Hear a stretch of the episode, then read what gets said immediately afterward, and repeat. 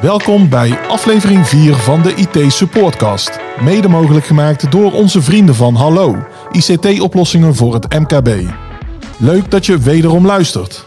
In deze podcast praten we je op een begrijpelijke manier bij over de laatste IT-ontwikkelingen.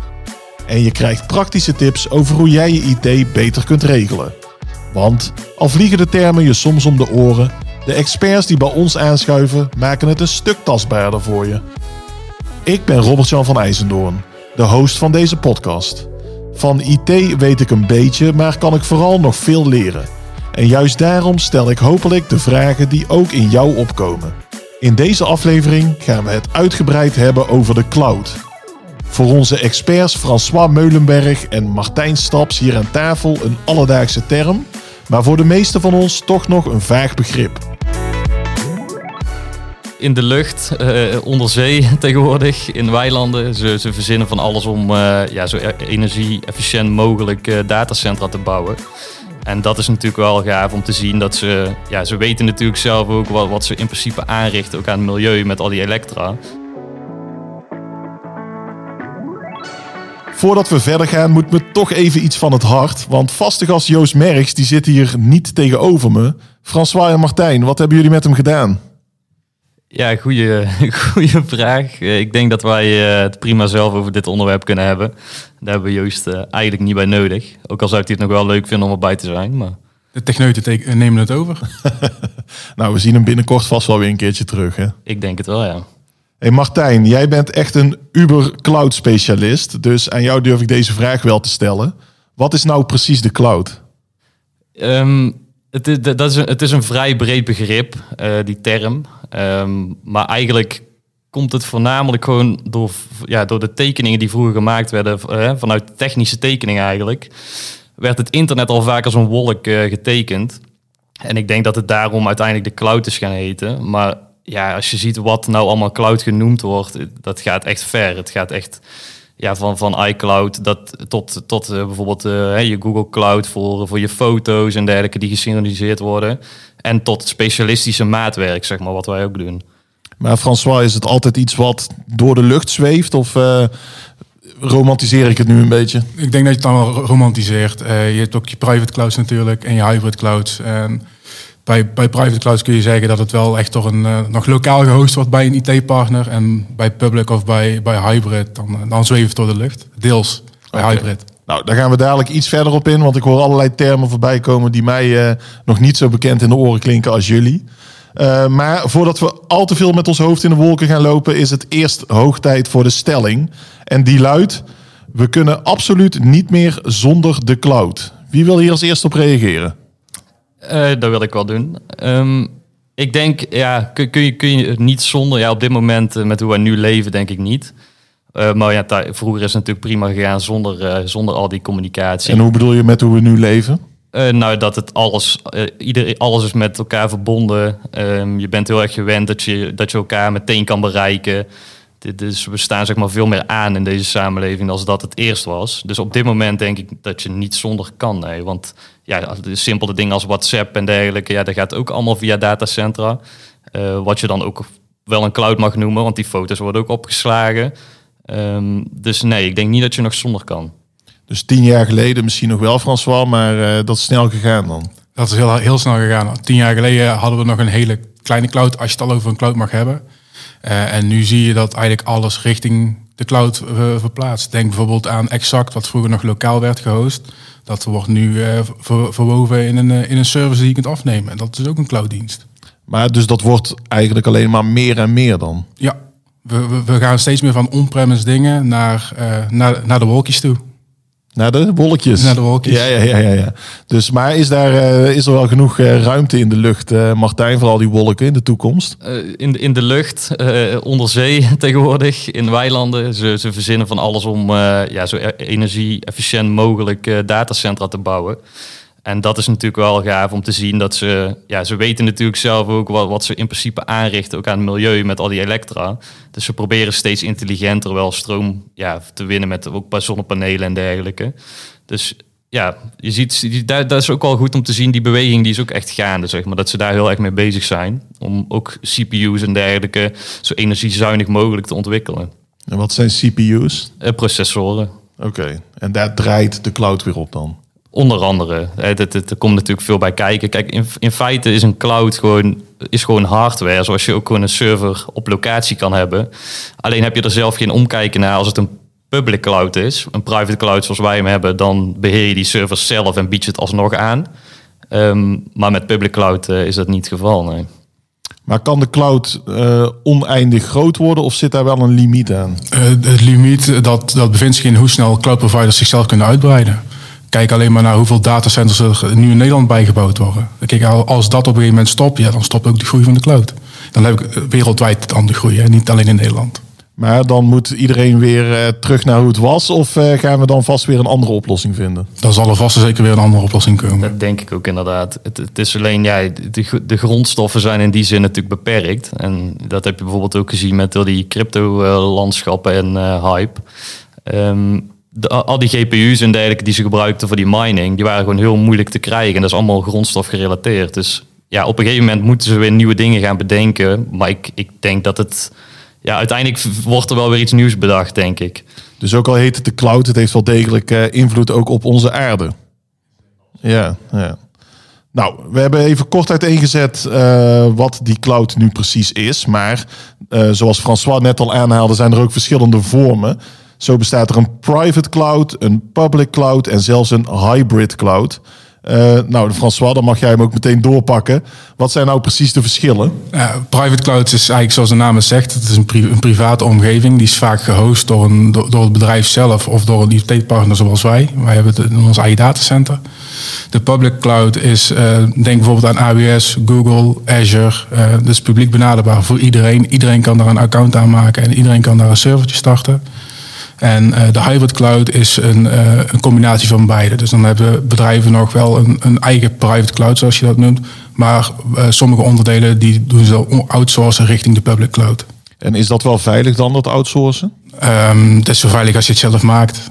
Het- Alles sta, staat en valt met hoe dat je het zelf inricht. Martijn, hoe doen, bij de IT-supportgroep, hoe doen jullie dat in de praktijk? Afhankelijk van, van de business case. En eh, we hebben het in, volgens mij in de vorige podcast er ook al eens een keer licht over gehad.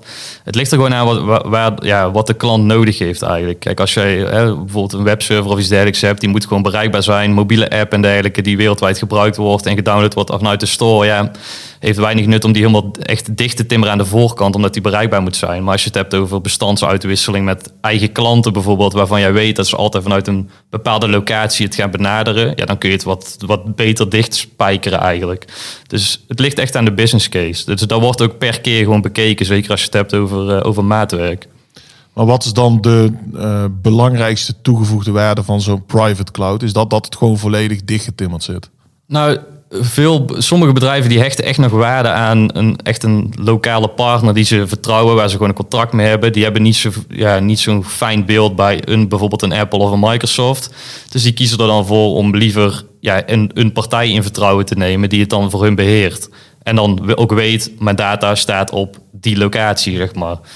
Dus het is vaak, eh, bijvoorbeeld overheden en dergelijke, ja, die hebben gewoon lokale clouds. En die gebruiken ook deels wel wat private, eh, eh, public clouds tegenwoordig, maar dan in aparte datacentra. Ja, AWS heeft daar bijvoorbeeld, eh Azure volgens mij ook, eh, die hebben speciale government clouds waar overheden in kunnen.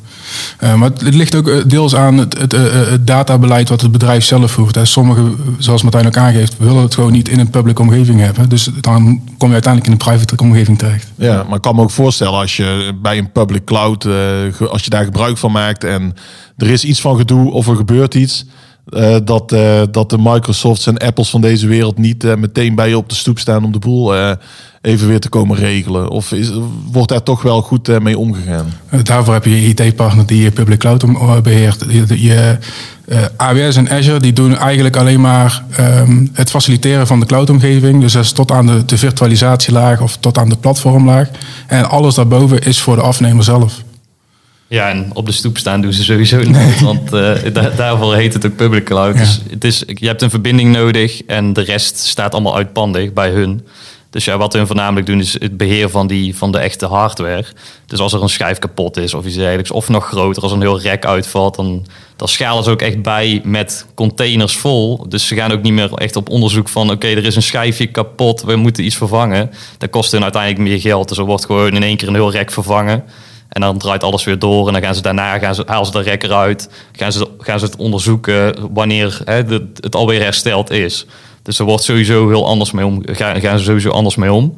Ook flexibeler als dat je het zelf zou doen. Dus dat is wel echt waar. Want ja, kijk, wij zorgen wel dat we hè, reserve hardware hebben bijvoorbeeld. Of contracten, hè, hardware support contracten, zodat je dingen kunt laten ver- eh, vervangen. Maar met de schaalgrootte van die bedrijven, die, die ook nodig is, omdat er dus zoveel klanten op zitten, die kunnen gewoon heel snel dingen oplossen. Maar werken jullie voor, eh, voor jullie klanten meestal met een hybrid cloud dan? Ook er afhankelijk van, van de case. Kijk, de- op dit moment zie je dat nog wel het vaakst. Eh, omdat veel, kijk, er zijn heel veel bedrijven die hebben nog heel veel oude applicaties die lokaal moeten draaien, maar ze willen al wel eh, voor sommige dingen naar public cloud. Ja, dan, dan is het automatisch al een hybrid cloud geworden. Ehm, wat ook kan gebeuren is dat ze gewoon langzaam gaan migreren naar de cloud. En dan heb je dus tijdelijk ook zo'n situatie. eh, waarbij je dus lokaal nog dingen hebt en langzaam zaken gaat opschuiven. En dan heb je dus altijd nog een verbinding tussen en het internet en je kantoorlocatie en je kantoor en bijvoorbeeld zo'n public cloud. Maar François kan me ook voorstellen, als we nog even een stapje terug doen, dat er ook nog best wel wat organisaties zijn die überhaupt nog niet echt in de cloud aanwezig zijn. Eh, zou jij ze aanbevelen dat wel te doen? Of heb je zoiets van don't fix it if it, if it ain't broken? Als het, als het past bij je bedrijf, dan zou ik zeker de stap maken. Het, is, het staat en valt met wat, wat het bedrijf zelf wil en wat, wat bijvoorbeeld ook je databeleid is. Ehm, de cloud brengt wel, wel voordelen mee, zeker gezien ehm, op, het, eh, eh, op, het op het kostenvlak. Eh, je, hoeft, voor je eigen hardware bijvoorbeeld geen, geen voorinvesteringen meer te doen. Ehm, clou- het public cloud model is, is, is pay as you, use of pay as you go. Dat wordt volgens mij per minuut of per, per uur wordt dat, wordt dat afgerekend. En daarbij kun je je, je, je, je omgeving precies inrichten zoals je hem zelf wilt. Ook, qua- ook qua de kosten. Maar je zegt qua kosten, moet ik dan, aan wat voor bedragen moet ik dan denken voor een gemiddeld bedrijf? Af, dat, is, dat, is, dat is echt afhankelijk van de use case. Maar gaat het dan over duizenden euro's per maand? Of eh, ik, ik kan daar me daar helemaal geen voorstelling van maken. Ehm, kijk naar, de, naar, naar- naar alle start-ups die nu op dit moment komen. Die maken bijna allemaal gebruik van de public cloud. En dat is voor de simpele reden omdat ze gewoon een servertje kunnen, kunnen starten. En dat kost misschien 100, 150 dollar in de maand. En daarmee starten ze, starten ze een bedrijf op. Dus allemaal nog zeer te overzien. Dat is allemaal zeer te overzien. Afhankelijk van de grootte natuurlijk. Ah, Ja, Ja. En, en, en een bedrijf, als je een bedrijf hebt eh, hè, waar veel data in omgaat, dan wordt het automatisch ook eh, kostbaarder om Ah, die daar- in de cloud te zetten. het- het- Afhankelijk van wat voor techniek je gaat gebruiken. Kijk, als je echt... eh, recent heb ik ook weer gekeken naar een calculatie, zeg maar. want Er wordt gewoon uitgerekend van, oké, wat heb je nu? Eh, hoe, wat voor plan kunnen we schrijven om, om jullie naar de cloud te brengen? Maar als je het echt één op één gaat doen, dan kom ik nog steeds elke keer financieel slecht uit. In de zin van, als je één op één gaat migreren wat je hebt, dus gewoon een virtuele server oppakken en verplaatsen, dan ben je goedkoper uit als je investeert in echt in ijzer zelf. Maar daar is wel echt gelijk aan trekken, zeg maar. Het, wordt steeds, eh, het komt steeds dichter bij elkaar. En het, ehm, het gaat vooral opleveren als je zeg maar, gaat schalen. Dus ik noem een grotere webwinkels, hè, pakketleveranciers, dat soort zaken. Die kunnen, waar ze zeg maar, in het begin van het jaar vroeger een investering deden van, eh, van een miljoen of zo, of ik zeg maar iets. eh, die, om uiteindelijk die, la- die lading te kunnen dekken in december. Want da- daar zijn de piekmomenten voor hun moeten ze dus een heel jaar investeren. En die hardware doet eigenlijk alleen de laatste maand van het jaar doet iets. Want dan heeft hij die echt die capaciteit pas nodig. Ja, ja. Dus wat nu kan voor dat soort clubs, en dan wordt het echt interessant. Die kunnen dus heel, die kunnen automatisch laten schalen van, hè, van die omgeving. En die is er dus het hele jaar eigenlijk niks aan doen. En dan schaalt hij pas op op het moment dat ze het nodig hebben. En dan is het in één keer wel heel interessant. Dus het ligt een beetje aan het type bedrijf, het formaat. Eh, Kijk, één op één overzetten, dat kan. Maar dan is het een keuze dat je liever per maand gaat betalen. Maar het gaat er juist om dat je op het moment dat wij een klant gaan omzetten... dat je gaat kijken naar hè, hoe kunnen we het intelligenter maken... en, eh, en schaalbaarder, zeg maar. Dat het ook interessant, kostentechnisch ook interessant wordt. Ja, ja. mag concluderen? We hadden het er net over dat nou ja, ten opzichte van tien jaar geleden die cloud enorm gegroeid is. Ik kan me voorstellen dat dat de komende tien jaar eenzelfde soort beweging gaat maken. Moet je als organisatie, om relevant te blijven, eh, die cloud in? Is het zo simpel? Nee, ik, ik denk niet dat het per se nodig is. dat zeker niet. Het, het, ligt er, ja, het ligt er maar net aan wat je wil. Kijk, het is wel...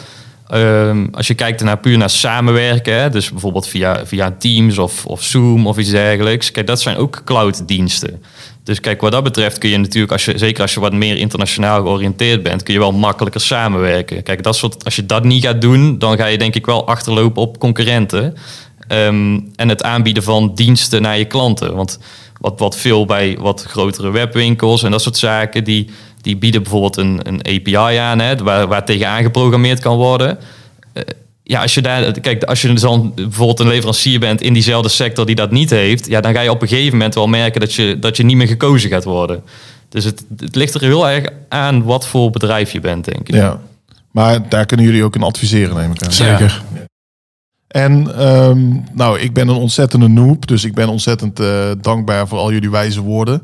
Maar tijdens het googelen ter voorbereiding op deze aflevering kwam ik eh, in combinatie met de cloud ook de term migratie tegen. Nu denk ik bij migratie meteen aan waarschijnlijk hele andere dingen, maar wat, wat houdt het op dit vlak in? Eh, migratie is simpel uitgelegd. Is, eh, je gaat van bijvoorbeeld on-premise naar de cloud. Ehm, en dat kun je op verschillende manieren doen. Zoals Martijn het straks ook aangaf, een uh, zogeheten lift en shift. Dus daarbij wordt de, eh, de complete bestaande omgeving wordt, eh, opgetild en verplaatst richting de cloud. Ehm, eh, of je hebt een uitgebreider plan waarbij we stapsgewijs gaan kijken hoe je de bestaande omgeving ontmantelt en opnieuw opbouwt in de cloud. En is werken in de cloud dan ook per definitie veiliger? Nee. Nee? Eh, het staat en valt met hoe je het zelf inricht. Ja, misschien je data lokaal in het datacenter is veilig, want daar kun je niet zomaar bij. Maar als jij een platform bouwt en je laat alle deuren en ramen wagenwijd openstaan, dan stelen ze alsnog je data. Ja, kan ik me voorstellen. Maar als je het lokaal hebt staan, zie ik het ook voor me dat het ook eh, meer invloed, hè, de, de externe omstandigheden hebben. Dus een brand of een diefstal of een... Absoluut. Kijk. En je kunt natuurlijk zelf ook een rek huren bij een datacenter. Dat kan. Ehm, maar uiteindelijk is het nog steeds minder veilig. Ik geef een simpel voorbeeld. Bij Microsoft kan niemand binnen, alleen maar mensen van hun. En in een datacenter waar wij zitten, zelf met onze private cloud, heb je wel eh, afgeschermde rekken zeg maar, met een code erop. En, en per verdieping, je kunt niet overal zomaar naartoe. Alleen maar tot de rekken waar je zelf kan komen. Maar technisch gezien, als je je rek open laat staan en andere IT-leveranciers lopen daar ook rond, die kunnen erbij. En dat is alweer een extra stap die niet kan in een public cloud, want daar kun je niet naartoe. En bestaat er zoiets als de veiligste cloud? Nee. nee. Zeggen ze in koor. Ja, omdat, omdat het, eh, François haalde, daar eerder, haalde het eerder ook al aan. Het, het ligt eraan wat je bouwt en je moet natuurlijk ook weten wat je aan het doen bent. Want in principe kan iedereen, ook zonder kennis, kan een abonnementje afsluiten op zo'n cloud. Ja. En maar gewoon beginnen. Maar als je geen training hebt gevolgd of je weet niet wat je aan het doen bent, dan heel veel van die diensten, die zijn eigenlijk niet eh, secure by design, zoals ze dat dan noemen. Dus die bijvoorbeeld, ik zeg maar iets, als je bijvoorbeeld een opslagaccountje maakt, dan is die standaard, staat die publiek open, omdat je hem kunt bereiken. Dan heb je wel een code nodig om erbij te kunnen, maar daar wil je alsnog niet publiek open hebben staan. En zo wordt het wel in eerste instantie zeg maar geleverd. En als je dat dan niet uitzet, zo worden dus heel veel van, op security.nl en zaken. Je komt heel veel van dat soort eh datalekken tegen, waarbij een, een storage account dan publiek open heeft gestaan.